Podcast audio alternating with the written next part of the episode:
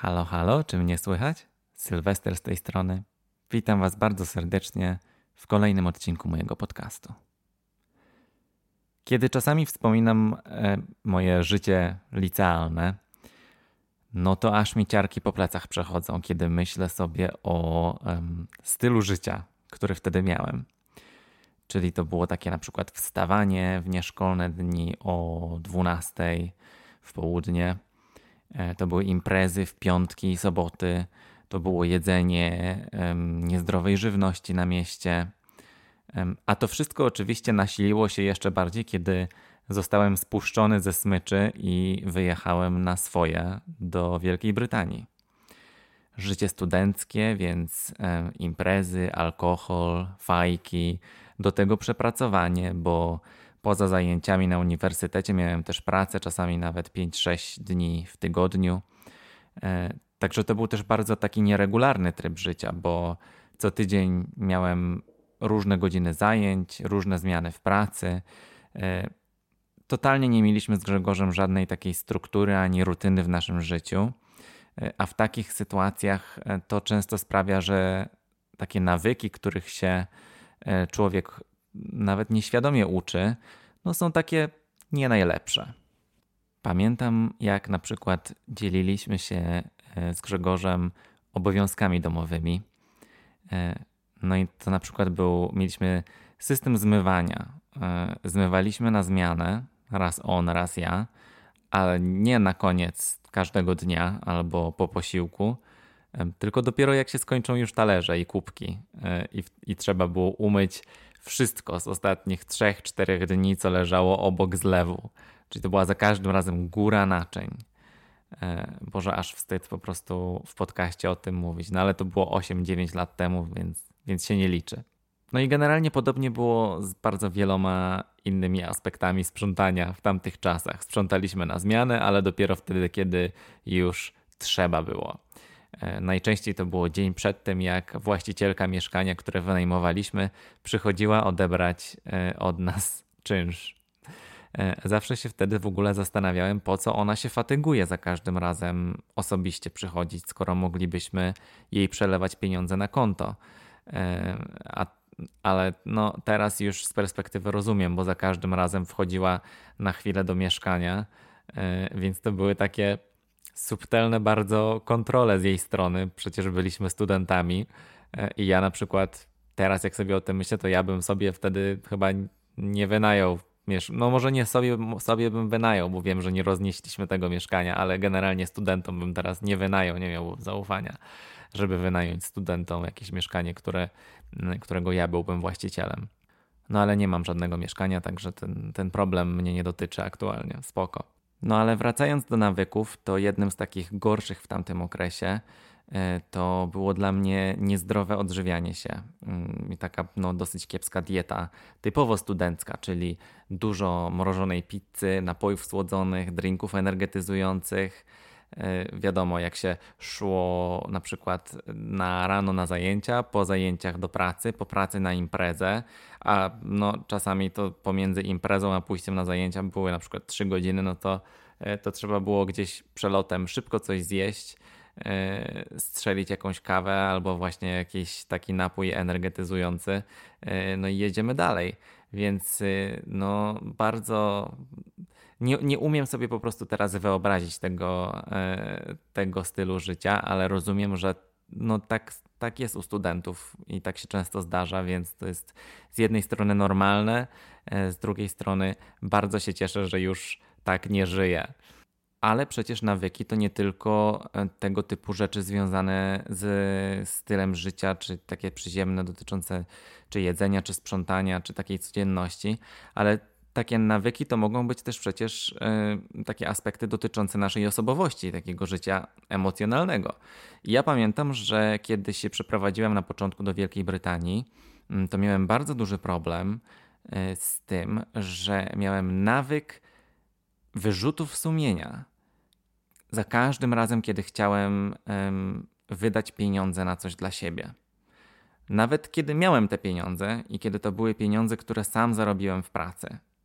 Czyli na przykład jak z Grzegorzem podjęliśmy decyzję na chyba drugim, nie, na pierwszym roku studiów podjęliśmy decyzję, że kupujemy sobie do domu telewizor i konsolę PlayStation 3. Mm, to słuchajcie, brzuch mnie bolał przez tydzień przed i przez tydzień po kupnie tego sprzętu. E, a tak naprawdę zgodziłem się na kupno tego na spółkę, głównie dlatego, że dnia, w którym poszliśmy do sklepu wydać na to pieniądze, byłem tak skacowany, że nie miałem siły się w ogóle sprzeciwiać. I nie wiem w ogóle skąd mi się to wzięło, e, ale bardzo ciężko mi się wydawało pieniądze na cokolwiek, na cokolwiek, co chciałem, zwłaszcza jeżeli to było coś drogiego, mimo że to były moje pieniądze, które sam zarobiłem. Przecież chodziłem do pracy studiując, więc tym bardziej, jeżeli byłem w stanie sobie pozwolić na coś, co bym chciał, co sprawiłoby mi przyjemność, to czemu to było dla mnie takie ciężkie do zniesienia e, psychicznie? Do tej pory nie rozumiem skąd takie wyrzuty i zajęło mi to dobrych kilka lat. E, I Grzegorz mi bardzo w tym pomógł, żeby się tego nawyku oduczyć, bo, e, bo właśnie ten problem niszczył mi skutecznie przyjemność z bardzo wielu rzeczy. Bo wiadomo, no, jakby w życiu nie da się tego ominąć. Zawsze się coś sobie kupuje. Czy to jest coś takiego właśnie jak telefon, czy komputer czy konsola, ale to mogą być też nowe fajne buty albo nowy t-shirt, który byśmy chcieli. I takie wyrzuty sumienia za wydawanie pieniędzy na siebie e, no, psują każdą przyjemność z życia. Więc no, bardzo się cieszę, że udało mi się to e, ograniczyć. Do tej pory tak bar bardzo rzadko już teraz, ale też mi się zdarza, że mam takie, że och, że nawet jak mam pieniądze, żeby sobie coś kupić, na co miałbym ochotę i wiem, że to nie jest dużo pieniędzy, to mam takie, no ale w sumie to po co mi to i że tak się czuję, tak mi głupio, że wydaję pieniądze no mimo, że nikt mnie z tych pieniędzy nie rozlicza, sam na nie pracuję. I też mam takie coś, że sam się łapię na tym, że muszę sobie w głowie tak ułożyć, że no nie no, nie kupiłem sobie w tym miesiącu tego, na tym zaoszczędziłem, na tym zaoszczędziłem, to chyba jestem usprawiedliwiony i chyba mogę sobie kupić wtedy na przykład nową grę albo coś takiego, albo, no, albo nowy t-shirt. E, albo książkę na Amazonie, którą bym chciała, wiem, że i tak jej nie przeczytam przez kolejne 6 miesięcy. Więc e, no, dalej, dalej mam z tym problem, ale no to są takie. Jest to na pewno w dużo, dużo mniejszym stopniu niż, e, niż kiedyś, z czego bardzo się cieszę. No i w dalszym ciągu nad tym będę pracował. No ale nieważne. Wracając do tematu, mm, jak wiecie, już z Grzegorzem po no, ponad 10 latach związku, przez te wszystkie E, lata nasze nawyki się zmieniały, niektóre, niektóre pozostały. E, my się od siebie też różnych nawyków nauczyliśmy tak naprawdę. Nasze życie wygląda teraz zupełnie inaczej niż 10 lat temu i zupełnie inaczej niż 5 lat temu. E, no a każdy człowiek ma przecież swój własny, indywidualny zestaw takich małych rzeczy, takich przyzwyczajeń, które tworzą naszą osobowość. E, no i na przykład dla mnie dzień musi zacząć się kawą. E, nie ma, nie ma w ogóle innej opcji. Wiecie, jak w niektórych domach jest czasami tak, że kończy się kawa i nikt nie kupił nowej i rano się wstaje, no i nie ma kawy w domu. No trudno, no jest to irytujące, ale idziemy dalej. E, no to słuchajcie, u mnie takie coś się nie wydarzyło nigdy w moim domu. Nigdy. Mamy w domu z Grzegorzem kawę zawsze jest zamawiana przez internet. Co miesiąc przysyłają nam kilogram i zazwyczaj, kiedy nowa paczka dociera, e, to mamy jeszcze przynajmniej tak ćwierć poprzedniej paczki. E, a do tego zawsze jest też gdzieś jakaś zapasowa, schowana na czarną godzinę w którejś szafce, taka jeszcze nieotwarta. Także w moim domu scenariusz, że nie ma kawy, jest scenariuszem z gatunku science fiction. Jest po prostu nierealny i nie z tego świata. No i tak jest właśnie dlatego, że kawa dla mnie jest startem dnia, jest psychicznym przygotowaniem się na to, co nadchodzi, więc codziennie wstaję mm, z tym takim 10-15 minutowym zapasem, żeby mieć chwilę e, na to, żeby zrobić sobie kawę, usiąść spokojnie na kanapie i w spokoju ją wypić i się tak dobudzić. I mój dzień po kawie musi zacząć się prysznicem, bo sorry, bez prysznica nie wyjdę z domu. Bez kitu, nawet do pracy. E, I, I, ja w ogóle bardzo się cieszę, że w UK nie ma takich sytuacji, jak w Polsce dosyć często się zdarzają, że nagle wstajecie rano i nie ma wody. Nie? E, tak na kilka godzin okazjonalnie i nie wiadomo dlaczego, nie wiadomo na ile, nie wiadomo kiedy. Ja mam w ogóle też takie, takiego pecha, że za każdym razem jak przyjeżdżam do Polski, e, to czy, czy to u mojej mamy, czy u mojej babci, gdziekolwiek bym nie zostawał, to zawsze któregoś dnia albo nie ma prądu, albo nie ma wody. W ogóle ja tego nie rozumiem, bo to się tutaj y, nie, nie, nie zdarza w Wielkiej Brytanii. Tutaj dają, jak mają coś wyłączyć, to wysyłają informacje listownie, że wyłączą wodę na, na ileś godzin z tygodniowym wyprzedzeniem, zawsze dają znać. Y, I, I zazwyczaj jest wyłączona i tak krócej niż było w tej informacji, którą oni przysyłali. No ale wiadomo, awarie się zdarzają, więc raz, jeden raz wywaliło Mm, przez ten cały czas, jak mieszkam w Wielkiej Brytanii, wywaliło tutaj u nas na osiedlu jakąś taką dużą rurę. E, I wtedy rzeczywiście nie było wody przez kilka godzin po tym, jak wstałem z rana. I ja, słuchajcie, nie mogłem zadzwonić do pracy, powiedzieć, że nie przyjdę, e, bo ja otwierałem restaurację, bo pracowałem wtedy menadżerską, menadżerską zmianę i byłem pierwszym, który przychodził, więc musiałem pójść. E, no i z bólem poszedłem przebolałem e, ten, ten poranek bez prysznica, ale jak tylko Grzegorz mi o 12 e, w południe wysłał wiadomość, że woda już jest, e, to powiedziałem do kolegi z pracy, że słuchaj, ja muszę wracać do domu, muszę wziąć prysznic, za pół godziny wracam. No i no bo miałem być wtedy w pracy przez cały dzień i stwierdziłem, że słuchaj, mówię do kolegi, słuchaj, ja jestem tutaj przez cały dzień, więc ja muszę pójść do domu, wziąć prysznic, bo inaczej będę y, cały dzień zatruwał wszystkim życie i jeszcze na dodatek klientom. Więc ja muszę wyjść, niedługo wracam. E, także widzicie, no każdy ma. Ja wiem też, że niektórzy ludzie na przykład biorą prysznic wieczorem. I ja tutaj nie oceniam, każdy co kto lubi, ale ja po prostu potrzebuję rano tego prysznica, bo inaczej mnie wszystko swędzi po prostu, mam takie wrażenie. No nieważne, może mam jakieś natręctwa. Skoro jesteśmy jeszcze przy tych e, takich porannych nawykach, to od kilku tygodni tak staram się świadomie nauczyć nowego nawyku e, zaścielania łóżka, e, bo my przez bardzo wiele lat przyzwyczailiśmy się z Grzegorzem do zostawiania takiego rozbebeszonego trochę łóżka, e, bo no w sypialni tylko śpimy i praktycznie nas tam nie ma. Zazwyczaj się śpieszymy, więc rano jak wychodzimy z domu zostawiamy tak jak jest, wieczorem się idzie z powrotem do łóżka, więc nikt do nas nie przychodzi, nikt nie, nie przeprowadza inspekcji, więc to... i poza tym umówmy się, ja nie wierzę, nie ufam po prostu tym ludziom, którzy mają zawsze pięknie y, pościelone łóżko w sypialni. Nie wierzę w to. W każdym razie, tak czy siak, od, y, od kilku tygodni staram się, mm, chociaż tak jakoś mm, prowizorycznie zaścielać to łóżko. Nie wychodzi mi to codziennie, ale się, ale się uczę. A wzięło się to w ogóle e, z tego, że gdzieś wyczytałem, że ścielenie łóżka, zaścielanie łóżka rano to jest taki pożyteczny nawyk, bo wymaga mało energii, a daje poczucie z samego rana, że wykonało się jakieś takie pozytywne zadanie. No zdecydowanie w ciągu ostatniego miesiąca zaścieliłem łóżko więcej razy niż przez ostatnich 10 lat, także jest to progres.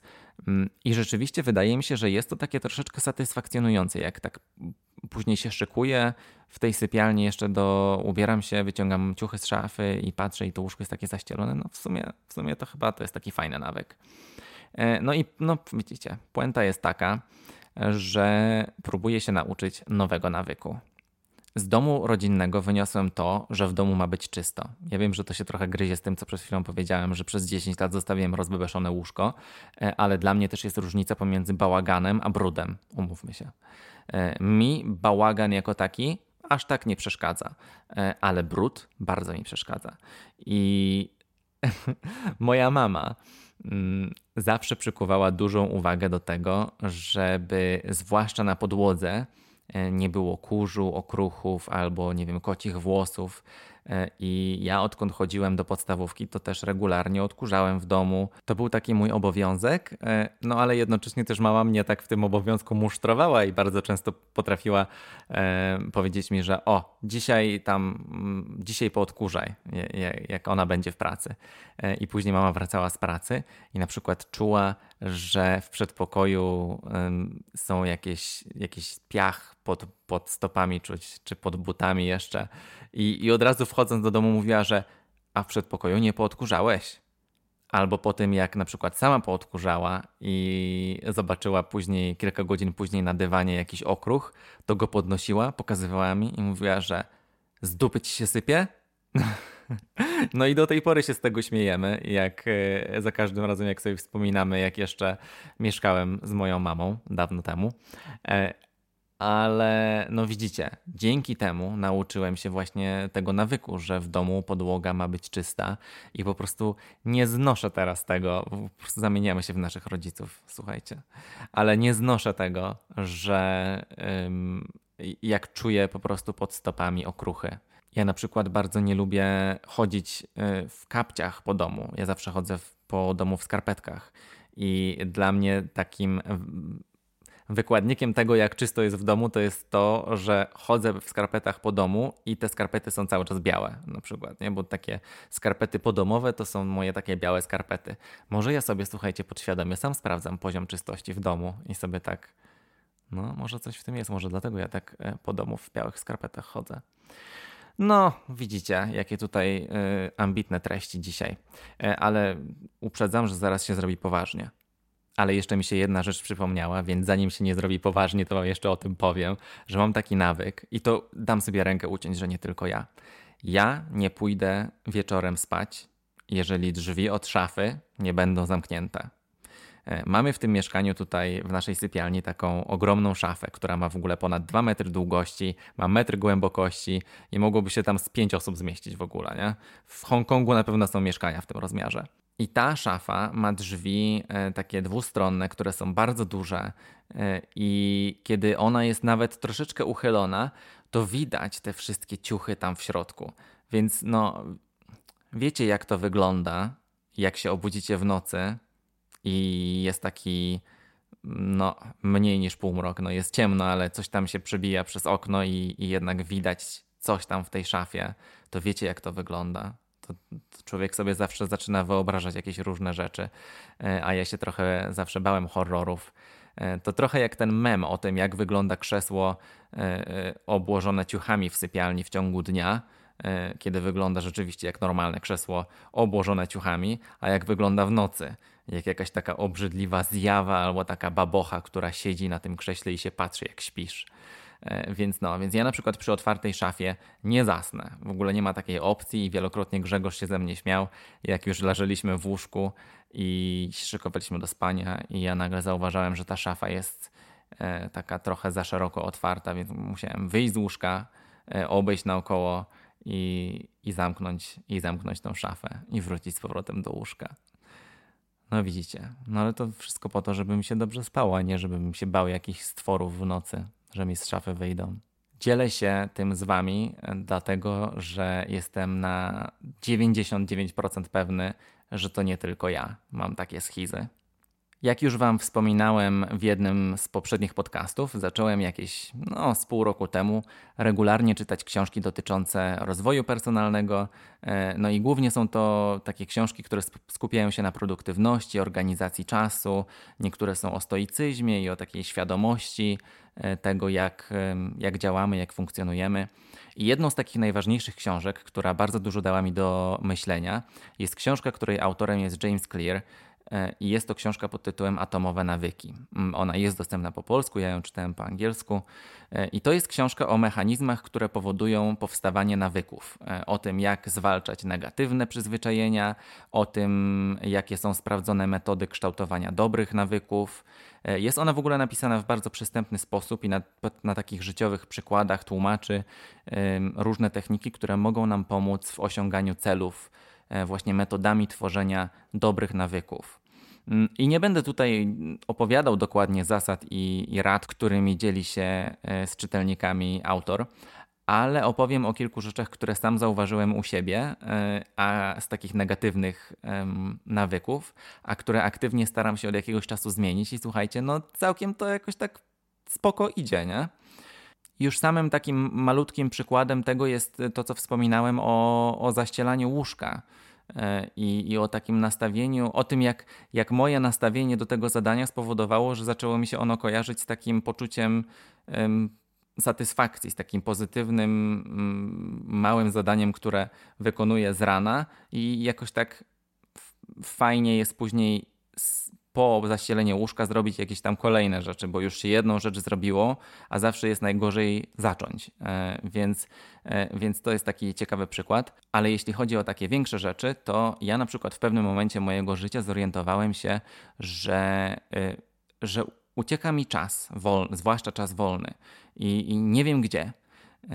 A okazało się, że mnóstwo go marnowałem na media społecznościowe i na takie bezmyślne scrollowanie mm, Instagrama, TikToka, oglądanie jakichś dziwnych filmów na YouTubie, które nic mi nie dają i których w ogóle nawet nie chciałem oglądać. Wiecie, to jest to, jak wpada się w taką spiralę konsumowania takich bezużytecznych treści w internecie e, i nagle patrzysz na zegarek i minęły trzy godziny. I od jakiegoś czasu, za każdym razem, kiedy łapię się na tym, że tak marnuję czas na Instagramie albo na TikToku, e, to od razu odkładam telefon, e, bo próbuję tak sobie organizować czas, żeby moja prokrastynacja była trochę bardziej świadoma. I tutaj nie oznacza, że że daję sobie, nie wiem, bana na Instagrama, że daję sobie bana na TikToka, bo ja uważam, że wszystko jest dla ludzi. E, ale chciałbym tak bardziej aktywnie pilnować, żeby mi duża część wolnego czasu nie uciekała przez takie platformy.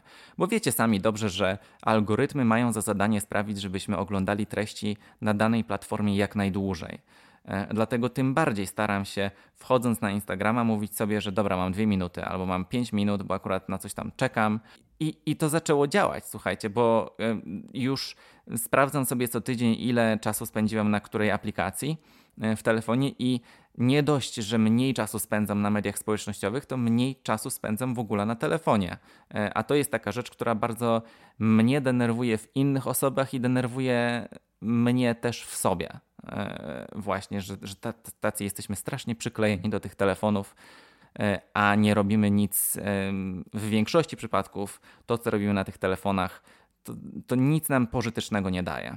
Także mój cel mm, aktualnie związany z tym wszystkim to jest wyrobienie sobie nawyku uprawiania takiej świadomej prokrastynacji, żeby, ten, żeby mnie ten Instagram, TikTok czy YouTube e, nie okradał z całego wolnego czasu, a żebym w dalszym ciągu mógł, ja mógł dostarczać sobie jakieś, jakiś taki spoko poziom dobrej zabawy, bo jest różnica pomiędzy intencjonalnym spędzaniem czasu robiąc jakąś rzecz, na przykład oglądając film e, albo grając w grę, e, a traceniem czasu na takim na nic nie robieniu, e, czyli na przykład na bezmyślnym scrollowaniu. No bo jeżeli ktoś na przykład szuka konkretnej rzeczy na Instagramie albo szuka konkretnego konta na TikToku, to to jest jakby nie ma z tym żadnego problemu. Tylko mi chodzi właśnie o to, jak czasami się człowiek po położy na kanapie i zacznie scrollować TikToka zupełnie bezmyślnie i ja mam same filmy z kotami, więc ja tak mogę scrollować godzinami e, i, i, i strasznie mnie to zaczęło drażnić, e, bo mam wrażenie, że bez kitu ktoś mi po prostu kradnie dni. A skoro mówimy już o marnowaniu czasu, e, to właśnie staram się też wejść w taki nawyk niemówienia, e, albo raczej nieusprawiedliwiania się, mówiąc, że nie mam na coś czasu. I zamiast tego e, uczę się mówić, że no tak się zorganizowałem, że czegoś nie zrobię. I daje mi to od razu troszeczkę inne pole, inny punkt widzenia na sytuację na przykład, jeżeli przez cały tydzień nie pójdę na siłownię, mimo że ona daje mi bardzo dużo pozytywnych emocji i relaksuje mnie, rozluźnia, no ale mam czasami trudność, żeby tam dotrzeć przez cały tydzień. To jeżeli powiem sobie, że nie poszedłem na siłownię, bo nie miałem czasu, no to jest to takie trochę tanie usprawiedliwianie się. Mm, czuję i wtedy ja się czuję usprawiedliwiony i jest mi z tym w porządku, że no nie byłem na siłowni, bo nie miałem czasu. Tak? Skoro mówię, że nie miałem czasu, to nie miałem czasu. No a jak sobie powiem, że nie poszedłem na siłownię, bo się kiepsko zorganizowałem w tym tygodniu, mm, a jednak obejrzałem 10 odcinków serialu we wtorek i kolejnych 8 w środę, no to zmotywuje mnie ta refleksja do tego, żeby w kolejnym tygodniu popracować nad tym i bardziej świadomie obejrzeć sześć odcinków serialu, mając jednocześnie czas, żeby pójść na siłownię raz albo dwa razy. E, no bo sorry, ale prawda jest taka, że w 90% przypadków, jeżeli ktoś pracuje na jednym etacie, nie ma dzieci i na przykład mówi, że przez cały tydzień nie ma czasu wyjść na siłownię, no to jest to gówno prawda. A ja nie chcę być leniem, więc wolę sobie powtarzać, że jeżeli nie poszedłem poćwiczyć, to dlatego, że się słabo zorganizowałem e, i w przyszłym tygodniu ogarnę to lepiej. E, I zaczęło mi to pomagać rzeczywiście w takiej motywacji, w organizacji własnego czasu, w świadomym spędzaniu czasu na rzeczach, które sprawiają mi przyjemność i w świadomym spędzaniu czasu na w spełnianiu jakichś takich obowiązków też. Także mam wrażenie, że jestem jakiś taki bardziej usatysfakcjonowany z życia ostatnio. Bo tu kompletnie nie chodzi o to, żeby wpędzać się w jakieś wyrzuty sumienia, tylko tu, tak jak mówię, chodzi cały czas o tą taką świadomość zarządzania swoim czasem i taką szczerość w analizie rezultatów swoich decyzji. Ja się wręcz staram od jakiegoś czasu um, nie wpadać w negatywne spirale przytłaczających myśli, bo akurat w tą grę to e, przez dużą część mojego życia byłem absolutnym mistrzem. I to właśnie dzięki e, nawykom udaje mi się pracować nad takim bardziej pozytywnym sposobem myślenia, bo za każdym razem, kiedy wpadam właśnie w taki wir nakręcania się, że wszystko na pewno się skończy źle i w ogóle wszyscy umrzemy, i, za każdym razem, kiedy jakaś taka kłoda jest rzucana mi pod nogi, albo sam sobie ją rzucam pod nogi, e, to zamiast panikować, to mówię sobie stop i robię trzy kroki do tyłu i następuje wtedy analiza sytuacji. Jaki jest najgorszy scenariusz, jaki jest najbardziej prawdopodobny scenariusz, a jaki jest najlepszy scenariusz. Do tego też dochodzi pytanie, e, czy ta mm, kłoda pod nogami, która, która mi zalega, e, to jest coś, na co ja mam wpływ, E, czy nie mam na to wpływu. Bo jeżeli nie mam nad tym żadnej kontroli, to tym bardziej nie powinna ona wpływać bezpośrednio na mój nastrój. E, ja wiem, że to w ogóle jakby taki, taka metodologia też brzmi z jednej strony abstrakcyjnie, z drugiej strony sielankowo, e, ale tu chodzi o to, że to właśnie nie jest łatwe, żeby, tak, żeby się czegoś takiego nauczyć, zwłaszcza osoba, która tak jak, taka jak ja, która po prostu przez większą część swojego życia zawsze widziała tylko najczarniejszy scenariusz z możliwych. E, tylko gdybym patrzył na ten najczarniejszy scenariusz z możliwych, to tego podcastu by nie było. Już w pierwszym odcinku wam o tym powiedziałem, że zawsze jest ten głos, który ci mówi do ucha, że mm, po co to robisz, że i tak nikogo to nie obchodzi, nikt tego nie będzie słuchał, wszyscy się będą z ciebie śmiać, tak? E, no a jednak sprawia mi to zarąbistą przyjemność i podoba mi się to. I to właśnie dzięki tej pracy nad tym, żeby się nie zniechęcać samemu do tych różnych rzeczy, to mam wrażenie, że dużo dobrych rzeczy zaczęło mnie dzięki temu spotykać. No mam nadzieję, że udało mi się jakoś ubrać w słowa mm, to, o co mi chodzi i może Was zachęciłem do tego, żebyście poczytali e, albo samą książkę Atomowe nawyki, albo o tej książce, bo wiem, że na YouTubie nawet to akurat po angielsku, ale są świetne streszczenia e, o tym, takie 10-15 minutowe, o tym, e, o czym James Clear opowiada e, w książce Atomowe Nawyki. E, naprawdę mega polecam, bo odkąd skupiłem się właśnie na małych krokach, które robię każdego dnia, to dużo mniej stresują mnie wszystkie zbliżające się jakieś właśnie cele czy przeszkody, które muszę przeskoczyć, e, czy to w życiu, czy w pracy. I właśnie świadomie analizując swoje zachowanie i to, co sam ja kontroluję i mogę robić każdego dnia, żeby coś osiągnąć, daje mi to poczucie yy, bezpieczeństwa i właśnie tej kontroli nad własnym życiem. I to jest coś, czego wcześniej nie miałem, i mam wrażenie, że stąpam po ziemi yy, z jakimś takim wyższym poczuciem pewności siebie. Na koniec przeczytam Wam yy, tylko króciutki fragment z tej książki, który bardzo mi się podoba. W ogóle od tego się zaczęło, że znalazłem ten cytat w internecie i znalazłem później tę książkę. Więc, e, więc posłuchajcie, to jest cytat z książki Atomowe nawyki e, Jamesa Cleara.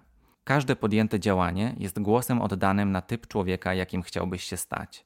Żadna pojedyncza czynność nie przebuduje Twoich przekonań, ale w miarę gromadzenia głosów rośnie pula dowodów na nową tożsamość. Między innymi to sprawia, że znacząca zmiana wcale nie musi być radykalna.